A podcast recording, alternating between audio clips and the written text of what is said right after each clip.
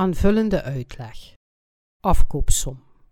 De prijs die betaald wordt voor de bevrijding van een gevangen persoon met hypotheek verzwaard bezit of schulden, de handeling voor het oplossen van een probleem met geld. Meestal gebruikt als de positieve vertegenwoordiging van de verlossing. Bijvoorbeeld Exodus hoofdstuk 21, vers 30, losgeld, Nummerie hoofdstuk 35, vers 31 en 32, verzoening, Jesaja hoofdstuk 43, vers 3, losgeld.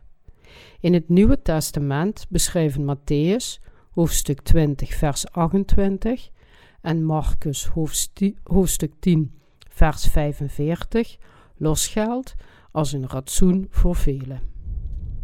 Verzoenen, verzoening. Het ritueel van het doorgeven van alle zonden van de mensheid aan Jezus. In het Oude Testament was verzoening het doorgeven van zonden aan een offer door het opleggen van handen op diens hoofd. In het Nieuwe Testament betekent dit het doopsel van Jezus door Johannes de Doper. In het Hebreeuws en Grieks betekent dit woord het doorgeven van zonden aan Jezus Christus, zodat de zondaars in goede relatie met God kunnen aangaan. Het Nieuwe Testament beschrijft heel goed de verzoeningsoffering, het doopsel van Jezus en zijn dood aan het kruis. In het Oude Testament. Het woord verzoening wordt zo'n honderd keer gebruikt in het Oude Testament. En het wordt steeds uitgedrukt als uh, bijvoorbeeld Leviticus hoofdstuk 23, vers 27 en hoofdstuk 25, vers 9, Nummerie hoofdstuk 5, vers 8, kaphar in het Grieks, meestal geschreven als in verzoening doen. Verzoening is een vertaling van een Hebreeuws woord dat het doorgeven van zonden door middel van het opleggen van handen op een levende geit en hierbij alle ongerechtigheden van de kinderen van Israël biechtend significeert. In het Nieuwe Testament. Verzoening is verwant aan het Arameense woord karp, dat beschermen, bedekken betekent. Dit betekent dat het doopsel van de verlossing van Jezus in het Nieuwe Testament. Jezus kwam in deze wereld en werd op 30-jarige leeftijd gedoopt om de zaligmaking van de hele mensheid te vervullen. De Bijbelse verzoening. A. In het Oude Testament werd meestal verzoend door het offeren van een dier. Exodus hoofdstuk 30 vers 10, Leviticus hoofdstuk 1 vers 3 tot en met 5, hoofdstuk 4 vers 20 en 21 en hoofdstuk 16 vers 6 tot en met 22. B. In het Nieuwe Testament werd het concept van het verzoenen offer van het Oude Testament aangehouden, maar de verlossing van de mensheid is te danken aan Jezus Christus. De apostel Paulus zei dat Jezus Christus voor onze zonden stierf. 1 Corinthiërs, hoofdstuk 15, vers 3. Het woord verzoening werd niet gebruikt om te verwijzen naar de dood van Christus als slechts de uitwissing van de erfzonden, maar om alle zonden van de mensen weg te nemen. En na het doopsel van Jezus, door welke alle zonden van de wereld aan Jezus werden doorgegeven, Matthäus hoofdstuk 3, vers 15, redde hij de mensheid door te bloeden aan het kruis. Leviticus hoofdstuk 1, vers 1 tot en met 5, Johannes hoofdstuk 19, vers 30. De apostel Paulus legt in 2 Corinthiërs hoofdstuk 5, vers 15 uit dat één voor allen gestorven is. Dan in vers 21 voor ons, in gelaten hoofdstuk 3, vers 13, in vloek geworden zijden voor ons. Onder de vele versen in het Nieuwe Testament die naar Jezus als het offer verwijzen, bijvoorbeeld Efezeërs hoofdstuk 5, vers 2, zijn Johannes hoofdstuk 1, vers 29 en vers 36, Lam, Johannes de Doper, en in 1 Corinthiërs hoofdstuk 5 vers 7 onze Pascha, de apostel Paulus. Paulus specificeerde echter dat het doopsel van Jezus in de Jordaan de verzoening voor alle zonden van de wereld was. Hij legt in Romeinen hoofdstuk 6 uit dat alle zonden van de wereld aan Jezus waren doorgegeven door het doopsel van Jezus van Johannes de Doper. Hij legt verder uit dat de kruisiging van Jezus het oordeel was en de compensatie voor de zonden, dat het verzoeningsoffer geofferd werd voor alle zielen van alle mensen. De dood van Jezus verduidelijkt ons het verzoeningsoffer van het Oude Testament, het opleggen van handen in het Oude Testament en het doopsel van Jezus in het Nieuwe Testament zijn in overeenstemming met de wet van God. Jesaja, hoofdstuk 53, vers 10, Matthäus, hoofdstuk 3, vers 13 tot en met 17, Hebreeën, hoofdstuk 7, vers 1 tot en met 10 en vers 18, 1 Petrus, hoofdstuk 3, vers 21. Het Nieuwe Testament eindigt niet met het doopsel en de dood van Jezus, maar gaat verder door ons te vertellen dat ons doopsel in Christus en ons sterven met Hem de vervulling van de zaligmaking is. Romeinen, hoofdstuk 6, vers 3 tot en met 7, Galaten, hoofdstuk 2, vers 19 en 20. Het vertelt ons dat Jezus Christus door Johannes de Doper gedoopt werd om alle zonden van de wereld weg te nemen en dat hij gekruisigd werd als resultaat hiervan. Jezus Christus waste door zijn doopsel en bloed niet slechts de zonden van de wereld weg en verdroeg de daaruit komende pijn, maar hij redde ons ook van de kracht van Satan en hij keerde hem naar de kracht van God door de straf in de plaats van de mensheid te accepteren. Daarom loste de verlossing van Jezus het probleem van de zonde op, die de mensen verhinderde om dichter bij God te zijn. Deze gedenkwaardige gebeurtenis herstelde de vrede en harmonie tussen de mensen en God. Het bracht de zaligmaking, vreugde, Romeinen hoofdstuk 5 vers 11, leven, Romeinen hoofdstuk 5 vers 17 en 18 en verlossing, Matthäus hoofdstuk 3 vers 15, Johannes hoofdstuk 1 vers 29, Hebreeën hoofdstuk 10 vers 1 tot en met 20, Efezeërs hoofdstuk 1 vers 7, Colossensen hoofdstuk 1 vers 14 tegelijkertijd. De grote verzoendag. In het Hebreeuws betekende dit concept de dag van het bedekken of de harmonie. De belangrijkste dag voor de Joden was de grote verzoendag op de tiende dag van de zevende maand. Leviticus hoofdstuk 23 vers 27 en hoofdstuk 25 vers 9. We kunnen in Leviticus hoofdstuk 16 zien dat zelfs de hoge priester niet de meest heilige plaats kon binnengaan zonder bepaalde rituelen. De meest heilige plaats zelf had, net als de mensen van Israël, verzoening nodig. Dus moest de hoge priester een offer offeren om de zonden door te geven door zijn handen op het hoofd van het offer te leggen. De kinderen van Israël dachten na over de heiligheid van God en hun zonden op de grote verzoendag. Toen der tijd werden er vijftien offers, inclusief de zondenbok, twaalf brandoffers en drie verzoeningsoffers aan God aangeboden, Leviticus hoofdstuk 16, vers 5 tot en met 19, Nummerie hoofdstuk 29, vers 7 tot en met 11.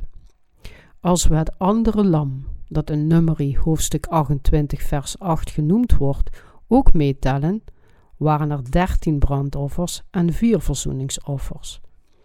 De dag dat Israël voor de jaarlijkse zonde verzoende, was de tiende dag van de zevende maand. Op dezelfde wijze was de grote verzoendag voor de hele wereld de dag dat Jezus door Johannes de Doper gedoopt werd. Het was eigenlijk de grote verzoening voor de hele mensheid. Het was de dag dat God alle zonden van de wereld wegwaste. Matthäus hoofdstuk 3, vers 13 tot en met 17.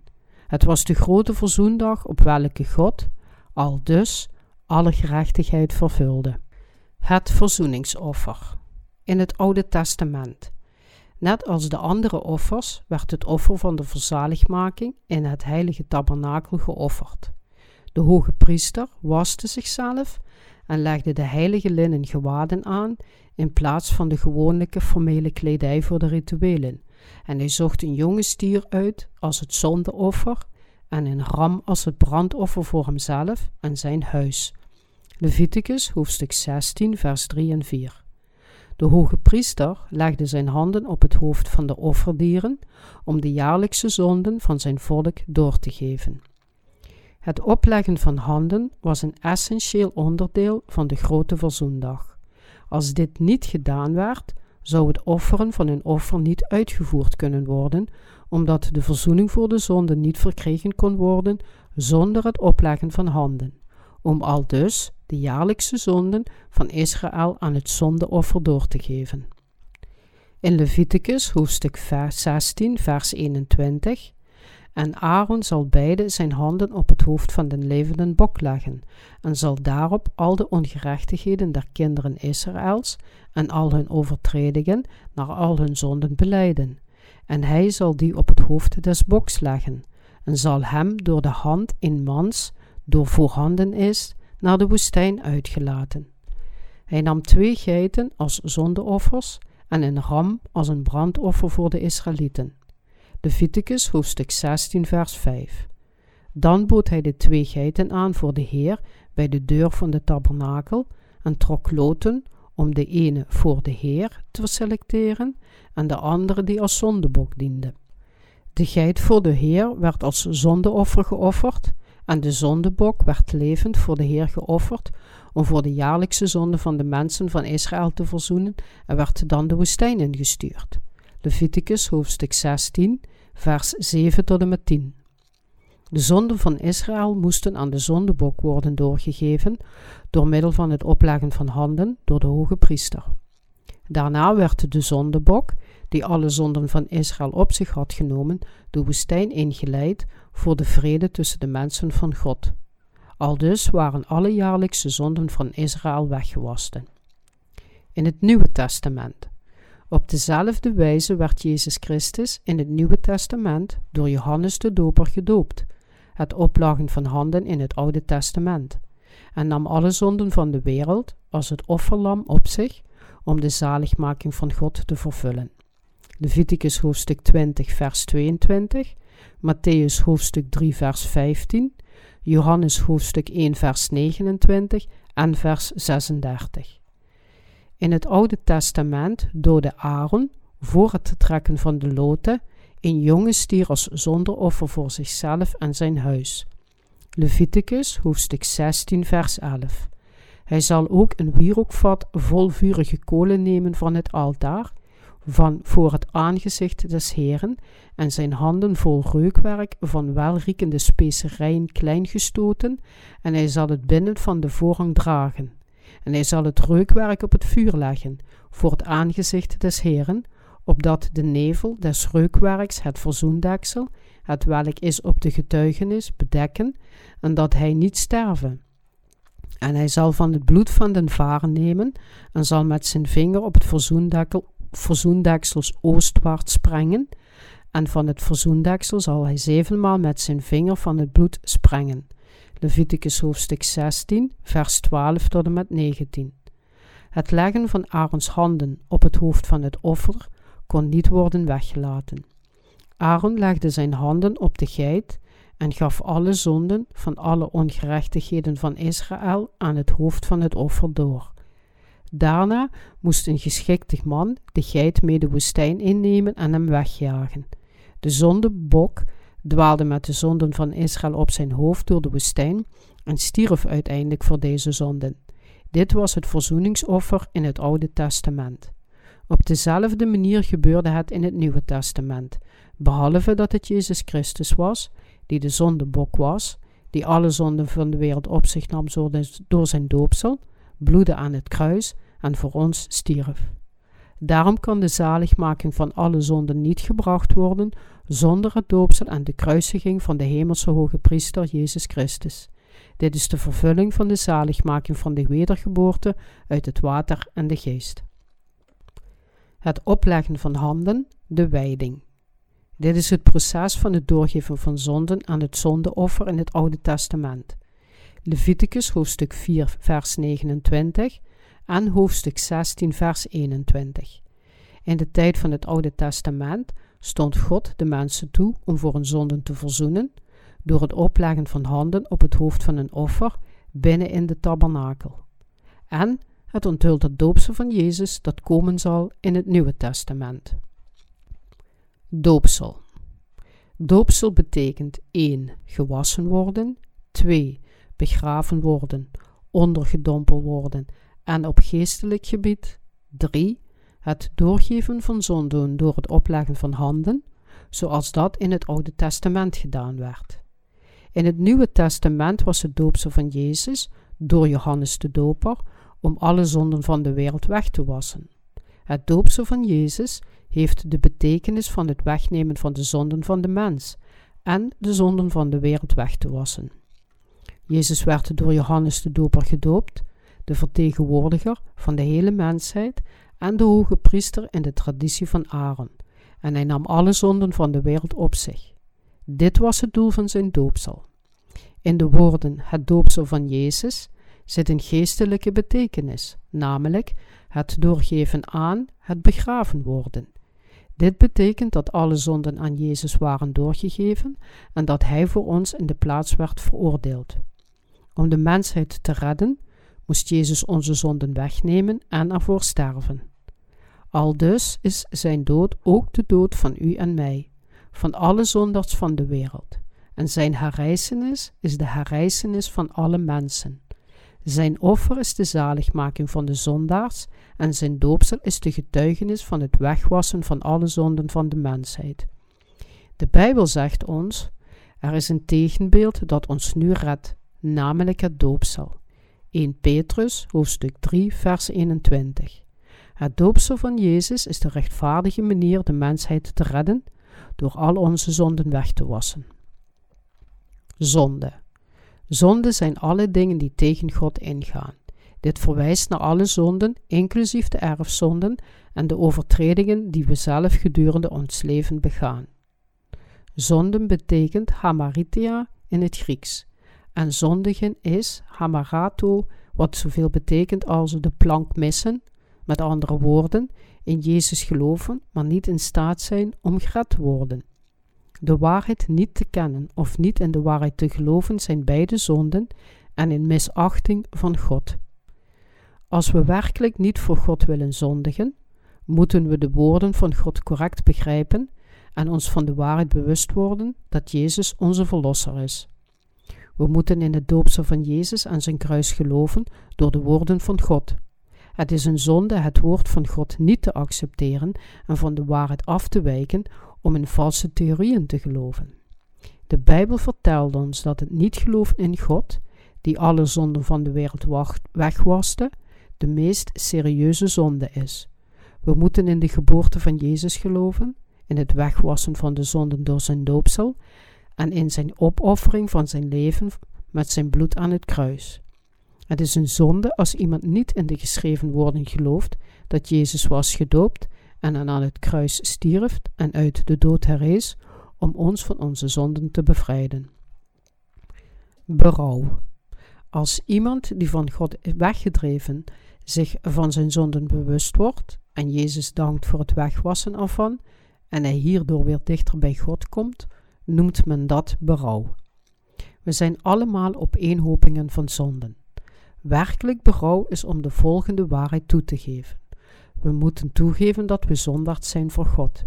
En dat we ons hele leven lang kunnen zondigen en naar de hel zullen gaan als we sterven. We moeten ook toegeven dat we Jezus ontvangen hebben door te geloven dat Hij naar deze wereld kwam om ons zondaards te redden en dat Hij alle zonden wegnam door zijn doopsel en dat Hij stierf en uit de dood herrees om ons te redden.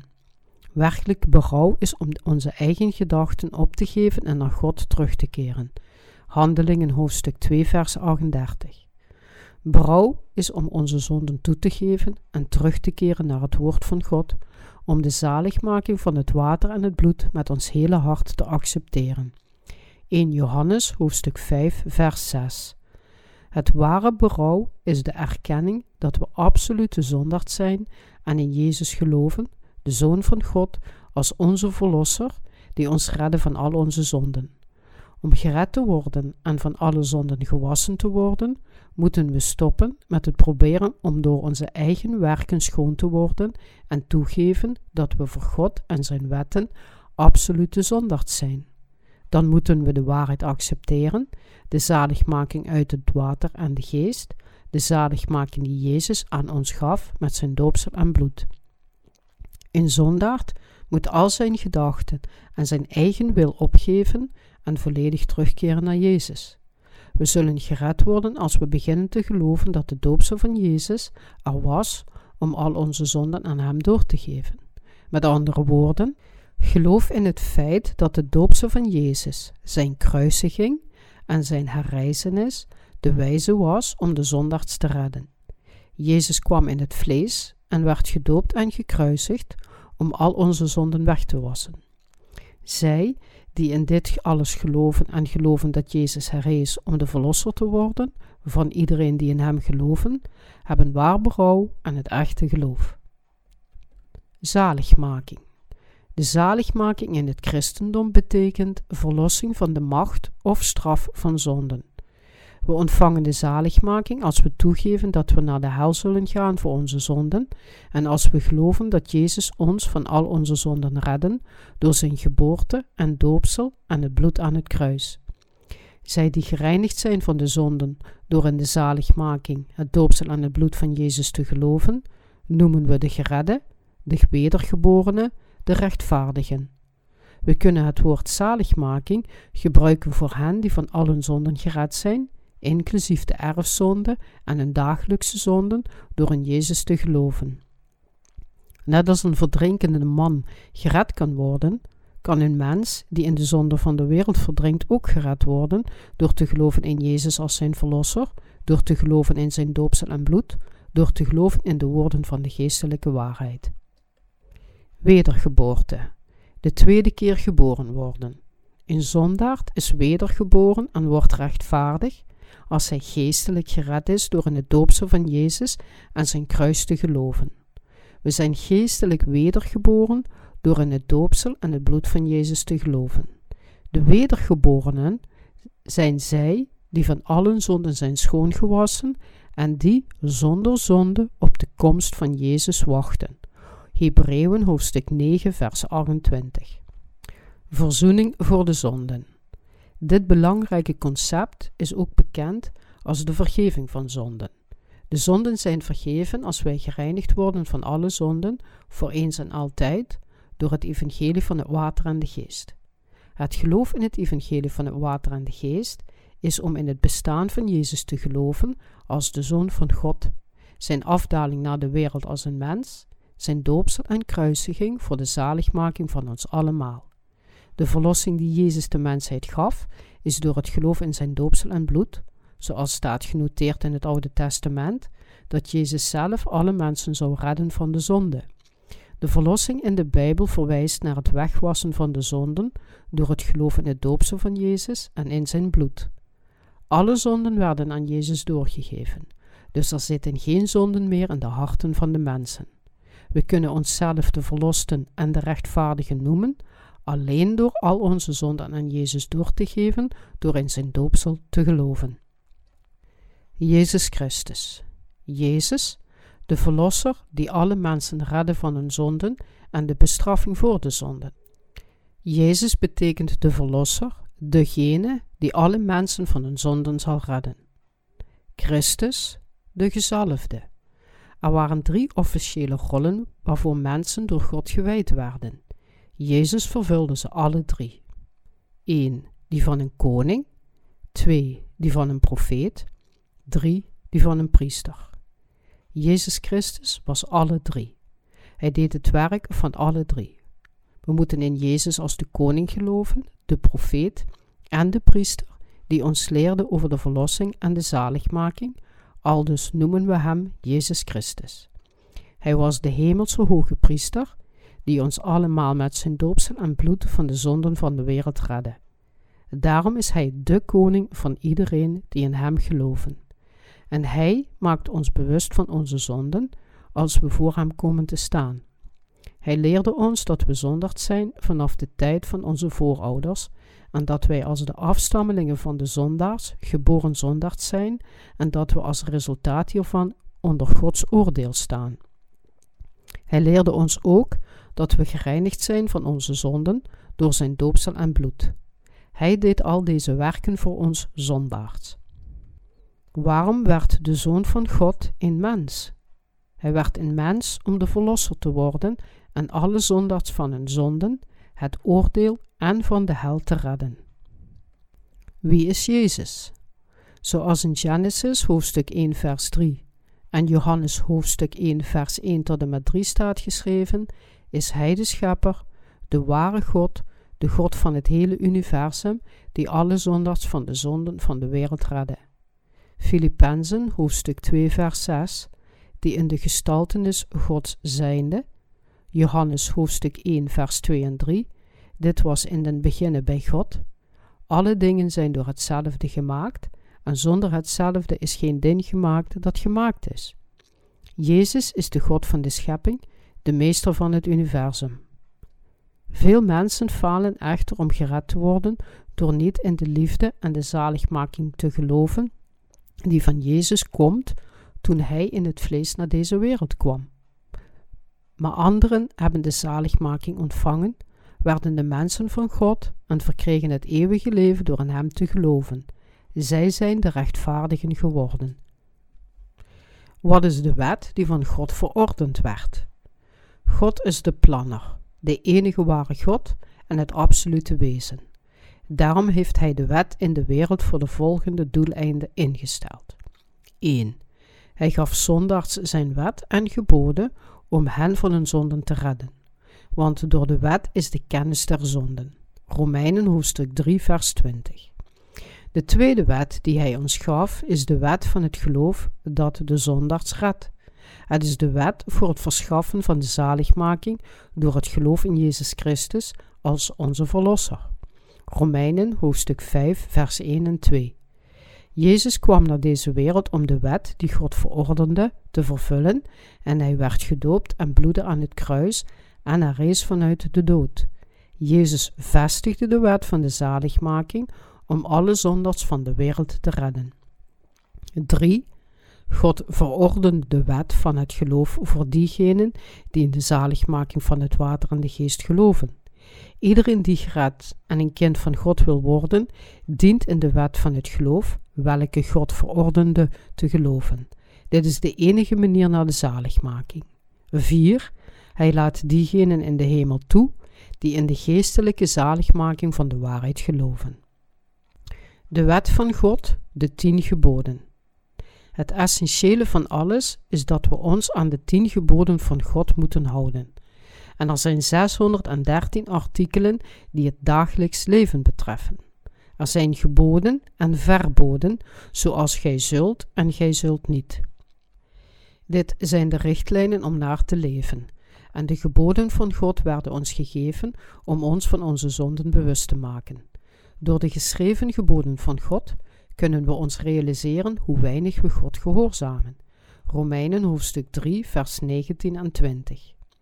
De reden waarom God ons zijn geboden gaf is zodat wij ons onze zonden realiseren.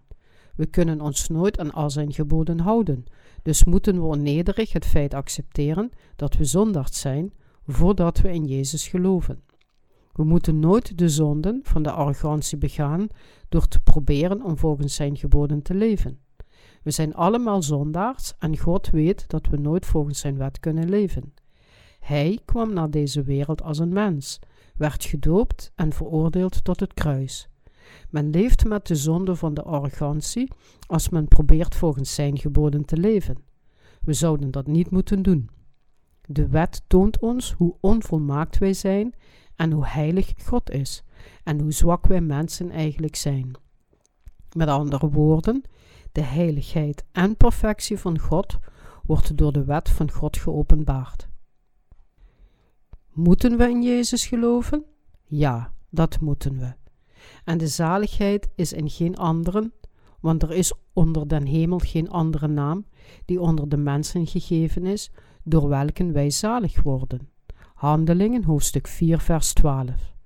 Omdat Hij onze Heer is, omdat Hij de rechtvaardigste is en omdat het Zijn wil is. Er is geen andere verlosser, omdat de enige verlosser Jezus is. We kunnen alleen verlost en wedergeboren worden door in Hem te geloven. Omdat we alleen maar naar de hemel kunnen gaan en eeuwig kunnen leven door in Hem te geloven, moeten we in Hem geloven. Kunnen we, als we in Jezus geloven, nog steeds zondags zijn? Nee.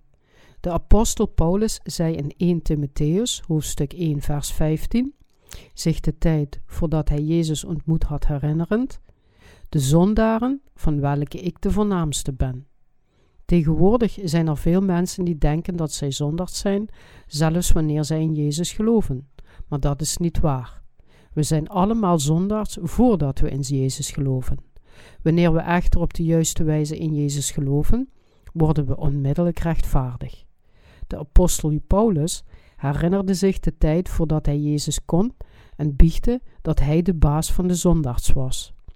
Paulus echter, toen hij nog Saul genoemd werd, ontmoette Jezus op de weg naar Damascus en realiseerde zich dat Jezus zijn verlosser was en hij geloofde en dankte Jezus. Voor de rest van zijn leven getuigde hij dat de rechtvaardigheid van God, het doopsel van Jezus, er was om de zonden van de wereld weg te nemen en dat hij moest sterven om de zonden van de wereld uit te wissen. Met andere woorden, hij werd een dienaar van God die het evangelie van het water en de geest predikte.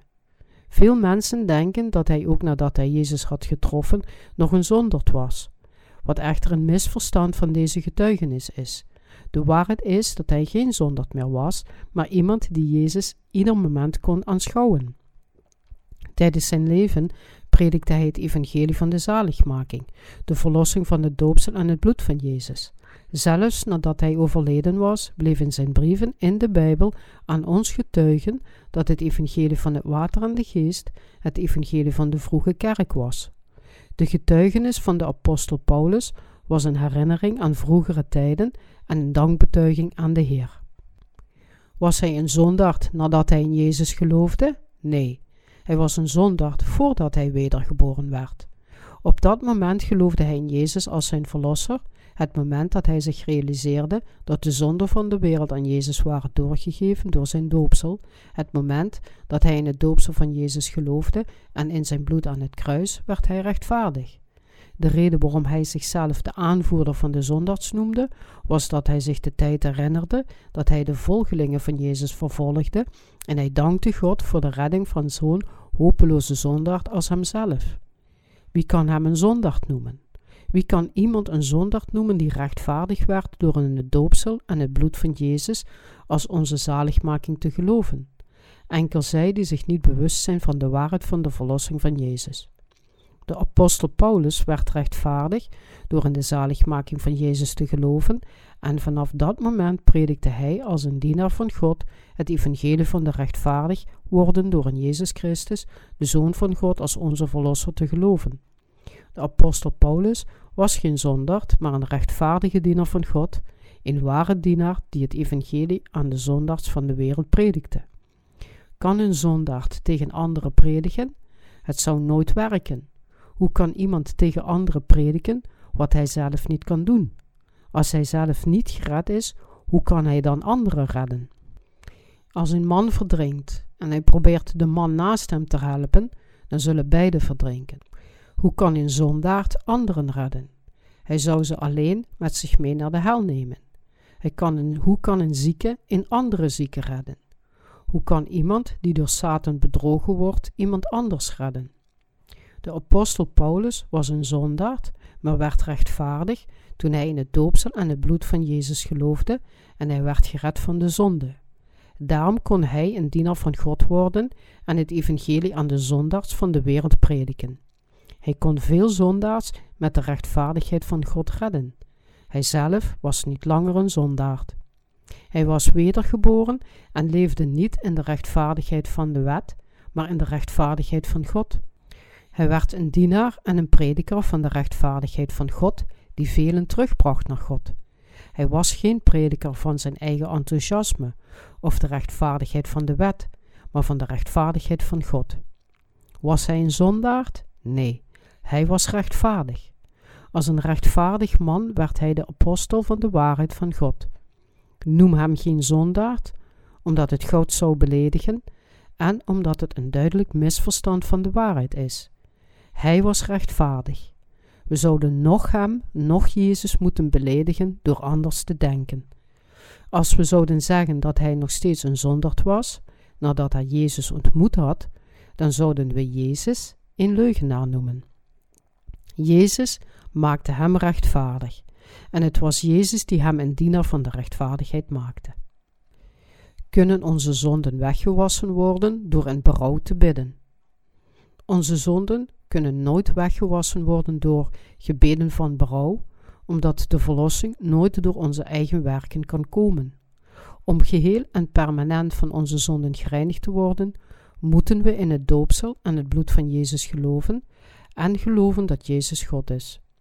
De ware verlossing wordt gegeven aan diegenen die geloven dat Jezus al onze zonden wegwaste door gedoopt te worden en te bloeden aan het kruis om ons een nieuw leven te geven. Kunnen we, kunnen we dan dagelijkse zonden wegwassen door berouwvol te bidden? Nee.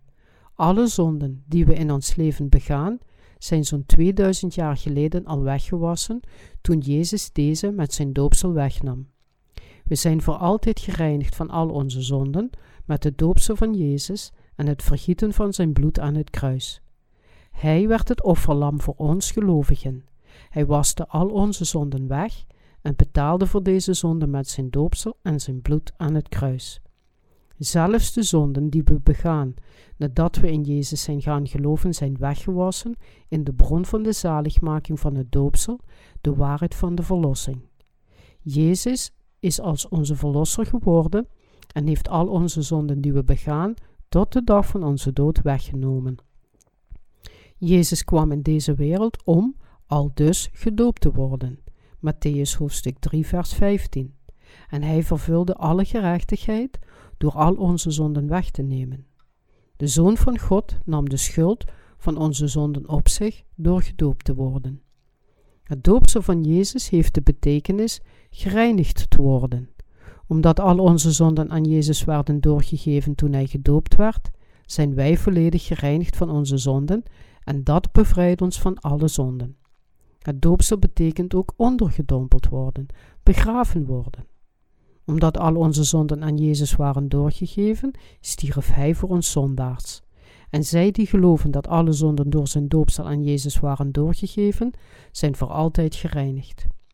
Het ware geloof is om in ons hart te geloven dat al onze zonden, zelfs de zonden die we nu begaan, 2000 jaar geleden aan Jezus zijn doorgegeven toen Hij al onze zonden wegnam en al dus de gerechtigheid van God vervulde.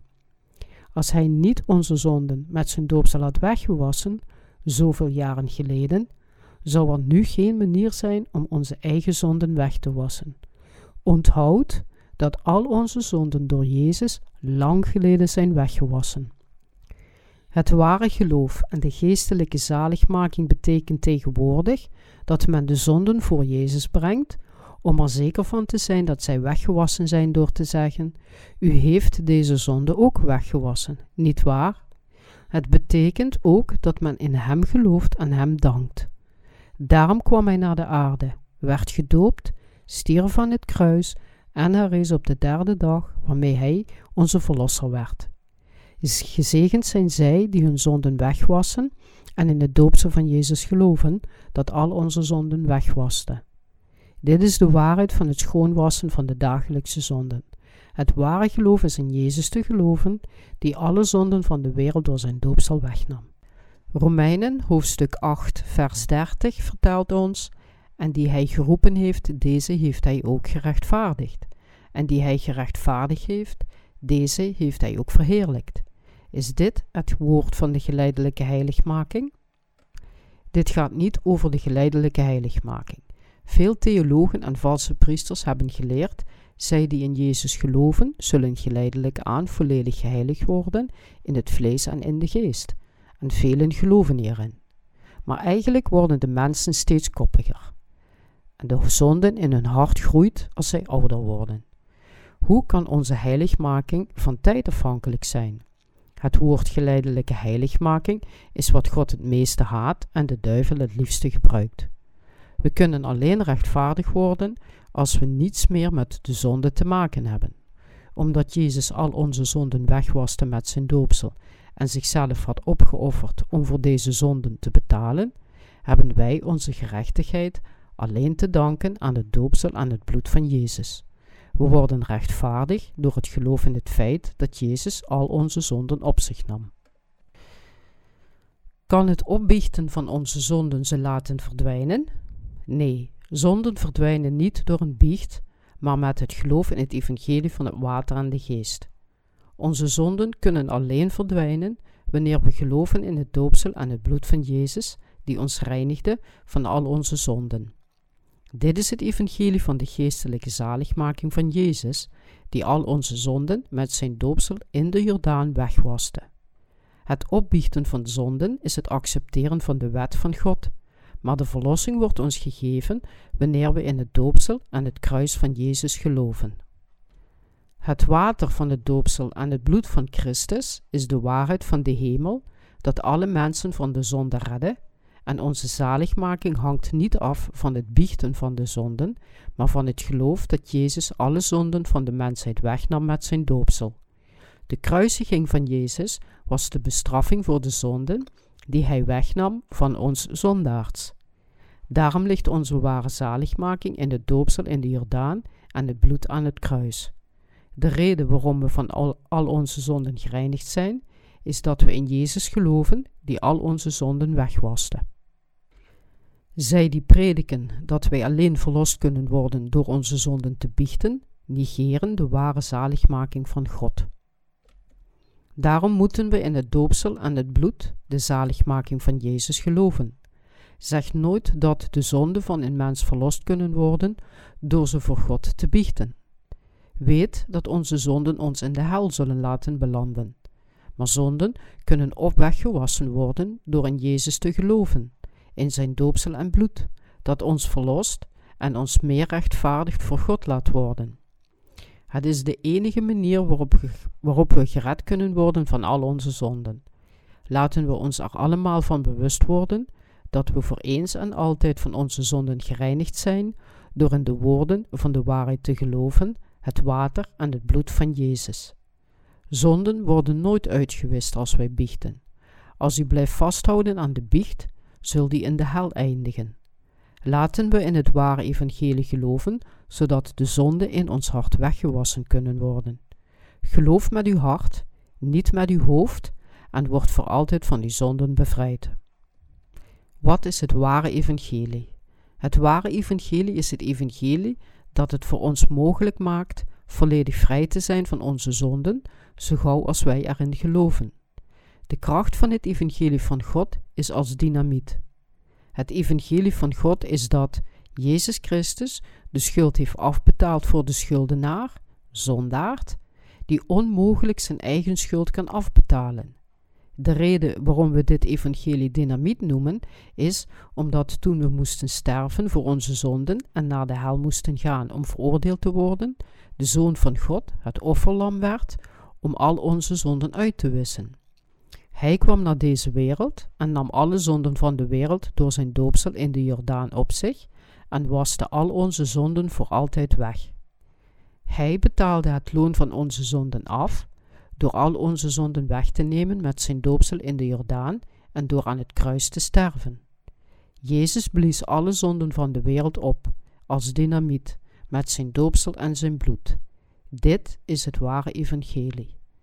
Het ware evangelie is dat Jezus naar deze wereld kwam en door gedoopt te worden en aan het kruis te bloeden, redde hij diegenen die in hem geloven. Zoals het staat geschreven in 1 Johannes hoofdstuk 5 vers 6. Deze is het die gekomen is door water en bloed, namelijk Jezus, de Christus, niet door het water alleen, maar door het water en het bloed. En de geest is het die getuigt dat de geest de waarheid is. Waarom offerde Jezus zichzelf op aan het kruis? Het offer van Jezus was voor onze zonden die hij wegnam door zijn doopsel.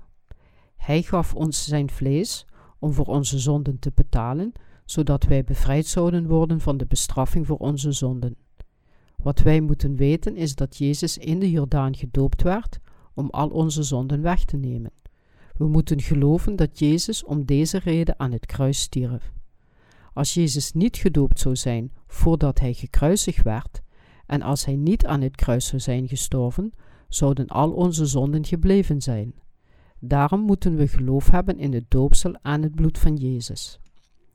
Omdat Jezus de Zoon van God is, het offerlam, werd Hij geofferd om al onze zonden uit te wissen. We moeten geloven dat Jezus de Zoon van God is, dat Hij gedoopt werd om alle zonden van de wereld weg te nemen en dat Hij gekruisigd werd voor onze zonden. Jezus werd gedoopt om al onze zonden weg te nemen. Daarna werd Hij gekruisigd zodat wij, de zondaars, gered konden worden van al onze zonden en vrij konden zijn van de bestraffing. Wie is Johannes de Doper die Jezus doopte? God gaf ons zijn wet door Mozes, evenals het offer van de verlossing, zodat wij verzoening konden verkrijgen voor onze zonden en ongerechtigheden. Hij wijde Aaron, de broer van Mozes, als hoge priester, en hij liet hem het verzoeningsoffer offeren op de tiende dag van de zevende maand, de grote verzoendag, zodat één jaar van Israëls zonden kon worden weggewassen. Leviticus hoofdstuk 16. Hij specificeerde dat het offer van de grote verzoendag alleen kon worden geofferd door Aaron en de afstammelingen van Aaron. God opende de weg voor de Israëlieten om voor al hun zonden te verzoenen, door het opleggen van handen op het verzoeningsoffer, dat door Aaron en zijn afstammelingen geofferd werd. Dit is de wet van de verzoening die God voor ons maakte. Door deze afschaduwing maakte hij duidelijk dat Jezus de verlosser van de mensheid was.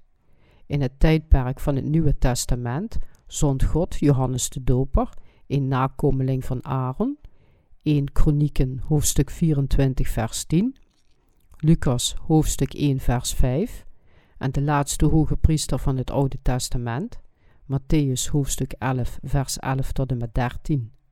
Johannes de Doper doopte Jezus als de profeet die door God gezonden was en de hoge priester van de mensheid, om zo alle zonden van de mensheid door te geven aan hem, de Zoon van God, die kwam om de zondaards te redden. Alle mensen zijn inderdaad gezegend, omdat ze in staat zijn om hun zonden door Johannes de Doper aan Jezus door te geven. De rol van Johannes de Doper was die van hoge priester, die de mensheid vertegenwoordigt, de diener van God, die al onze zonden aan Jezus doorgaf. Johannes de Doper is de vertegenwoordiger en de hoge priester van de mensheid en de boodschapper die zes maanden voor Jezus door God gezonden werd. Aan de andere kant was Jezus het lam van God, die alle zonden van de wereld wegnam, terwijl Johannes de Doper de hoge priester was, die de zonden van de wereld door het doopsel aan Jezus doorgaf. Johannes de Doper was de dienaar van God. De Jordaan waarin Jezus gedoopt werd. De rivier de Jordaan stroomt snel in de Dode Zee, waar geen levend wezen bestaat. De oppervlakte van de Dode Zee ligt veel lager dan zeeniveau. Het water van de Dode Zee kan nergens heen stromen, omdat het ingesloten is in de Dode Zee. Jezus werd door Johannes de Doper in de rivier van de dood, de Jordaan, gedoopt. Het vertegenwoordigt dat alle menselijke wezens, behalve zij die zonder zonden in hun hart zijn, tegen het einde de eeuwige verdoemenis tegemoet moeten treden voor hun zonden. Daarom is de Jordaan de rivier van het wegwassen van de zonden, de rivier waar zondaars sterven. Kort gezegd is het de rivier van de verlossing, waar alle zonden van de wereld weggewassen werden door zijn doopsel, het doorgeven van de zonden aan Jezus. Wat was het verzoeningsoffer voor de dagelijkse zonden in het Oude Testament? Er was een verzoeningsoffer voor de dagelijkse zonden. Om te verzoenen voor dagelijkse zonden moest iemand een lam, een schaap, een stier of een duif naar het tabernakel brengen en zijn handen op het hoofd van het offerdier leggen om zijn zonden aan het offer door te geven. Dit was het verzoeningsoffer voor de dagelijkse zonden, zoals die gegeven is in de wet van God. Leviticus hoofdstuk 3, vers 1 tot en met 11. Wat was het verzoeningsoffer voor de jaarlijkse zonden in het Oude Testament? Het was het verzoeningsoffer voor de jaarlijkse zonden in één keer. De hoge priester legde zijn handen op het hoofd van een geit en gaf de jaarlijkse zonden van alle mensen van Israël in één keer door. Leviticus hoofdstuk 16, vers 1 tot en met 34. De offers voor de dagelijkse zonden en voor de jaarlijkse zonden werden vervuld door Jezus Christus toen hij het offerlam van God werd door alle zonden op zijn hoofd te nemen door zijn doopsel. Wat is het offer voor de permanente verzoening? Het is de verzoening voor alle zonden van de wereld in één keer door in Jezus te geloven. En omdat Jezus de Zoon van God is en onze Heer die voor eeuwig leeft, kan Hij alle zonden van de wereld voor altijd wegnemen. Hoe nam Hij onze zonden voor altijd weg? 1. Door geboren te worden in de gedaante van een mens. 2. Door van Johannes de Doper in de Jordaan gedoopt te worden. 3. Door het oordeel aan het kruis te ontvangen. De Zoon van God kwam naar deze wereld in de gedaante van een mens en werd gedoopt om alle zonden van de wereld door Johannes de Doper weg te nemen. Daarna bloedde hij aan het kruis om de mensheid voor altijd van al hun zonden te redden. Leviticus hoofdstuk 16, vers 6 tot en met 22, Matthäus hoofdstuk 3, vers 13 tot en met 17, Johannes hoofdstuk 1, vers 29, Hebreeën hoofdstuk 9, vers 12 en hoofdstuk 10, vers 1 tot en met 18. Wordt de verlossing in één keer gegeven of geleidelijk aan? Het wordt in één keer gegeven omdat Jezus al onze zonden in één keer en voor altijd wegnam, door één keer gedoopt te worden en het oordeel voor eens en altijd te ontvangen. Hij zei, zoals in Matthäus hoofdstuk 3 vers 15 staat genoteerd, laat nu af, want aldus betaamt het ons alle gerechtigheid te vervullen. In hoofdstuk 1 vers 29 zegt Johannes de Doper, ziet, het lam van God die de zonden van de wereld wegneemt. En in Johannes hoofdstuk 19 vers 30 zegt Jezus, het is volbracht. In Hebreeën hoofdstuk 10 vers 9 tot en met 18, toen sprak hij, zie, ik kom om uw wil te doen, o God. Hij neemt het eerste weg om het tweede te stellen, in welken wij geheiligd zijn door de offeranden des lichaams van Jezus Christus eenmaal geschied. En een iegelijk priester stond wel alle dagen dienende en dezelfde slachtofferen dikmaals offerend, die de zonden nimmer meer kon wegnemen. Maar deze, een slachtoffer voor de zonden geofferd hebbende, is in eeuwigheid gezeten aan de rechterhand Gods, voorts verwachtende totdat zijn vijanden gesteld worden tot een voetbank zijner voeten. Want met een offeranden heeft hij in eeuwigheid volmaakt dengenen die geheiligd worden. En de Heilige Geest getuigt het ons ook. Want nadat hij tevoren gezegd had: Dit is het verbond dat ik met hem maken zal na die dagen, zegt de Heere, ik zal mijn wetten geven in hun harten, en ik zal die inschrijven in hun verstanden, en hun zonden en hun ongerechtigheden zal ik geen zins meer gedenken. Waar nu vergeving daarzelf in is, daar is geen offeranden meer voor de zonden.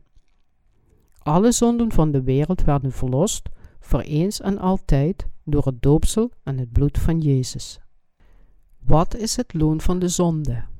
Het loon voor de zonde is de dood. Iedere zonde, het maakt niet uit welke, moet voor God veroordeeld worden en het oordeel voor alle zonden is de dood. Om alle zonden te verzoenen, moesten de mensen van Israël een schaap zonder smet voor God offeren. Daarom bereidde God het lam om alle mensen van alle zonden te verlossen. Het lam moest zich onderwerpen aan het opleggen van handen om alle zonden weg te nemen en stierf in plaats van hun. In het Nieuwe Testament nam Jezus al onze zonden door zijn doopsel in de Jordaan als het offerlam weg en stierf voor ons.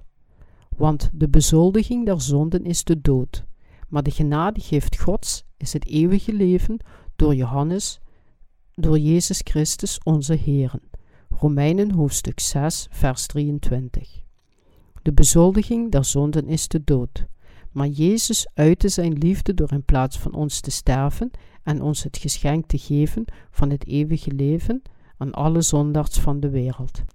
Waarom moest Jezus aan het kruis sterven? De dood van Jezus was de bezoldiging voor alle zonden van de wereld die hij wegnam door zijn doopsel.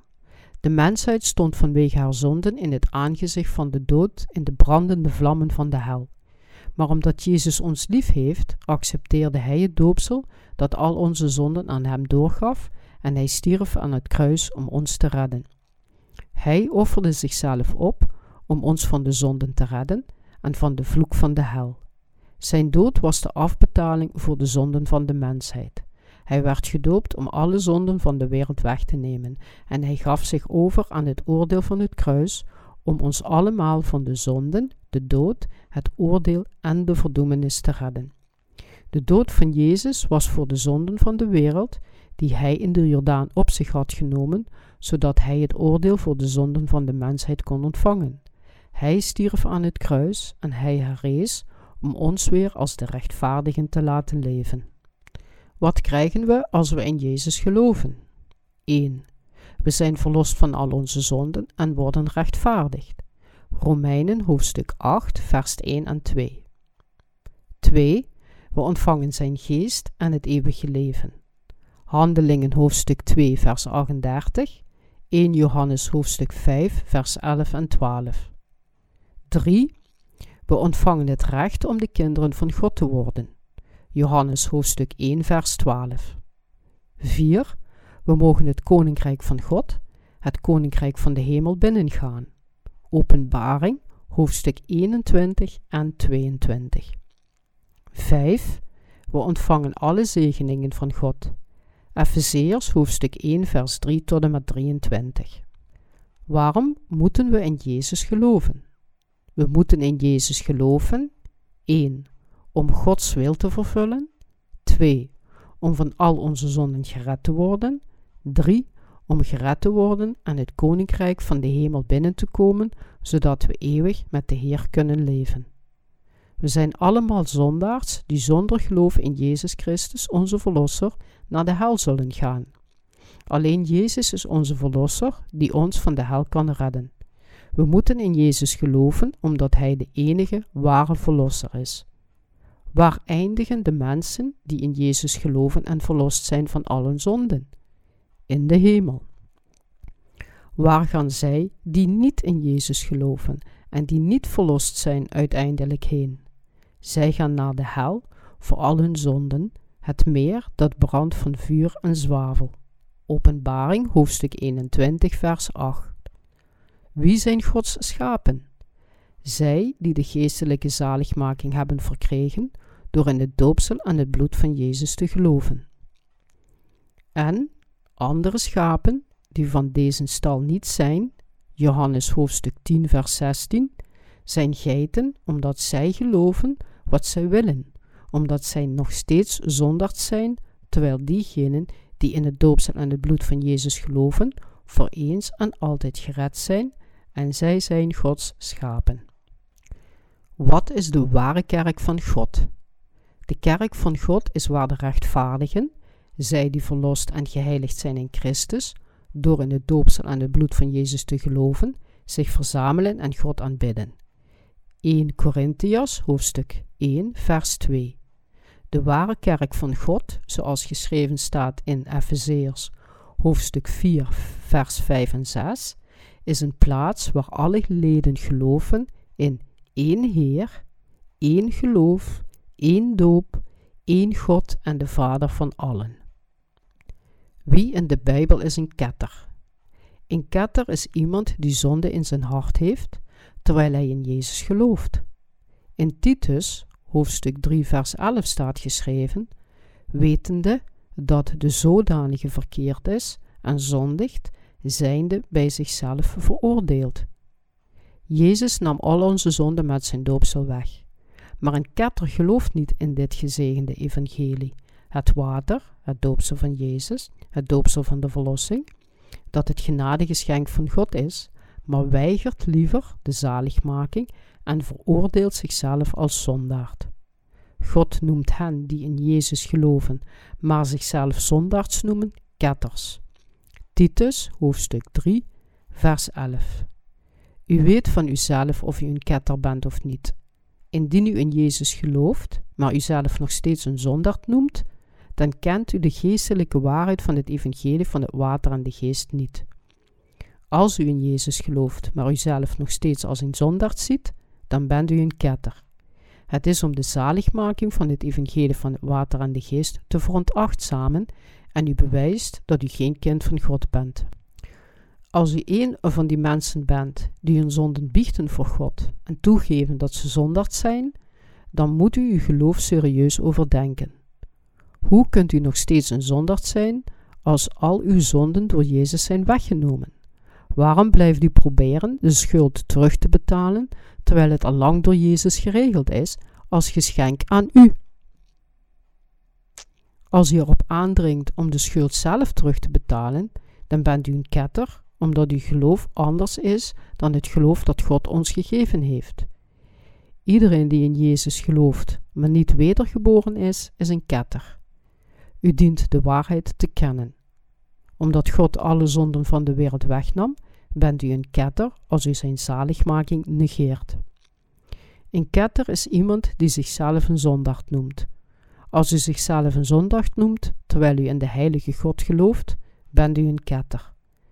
Om geen ketter te worden, dient u te geloven in het doopsel van Jezus en zijn bloed aan het kruis als één geheel.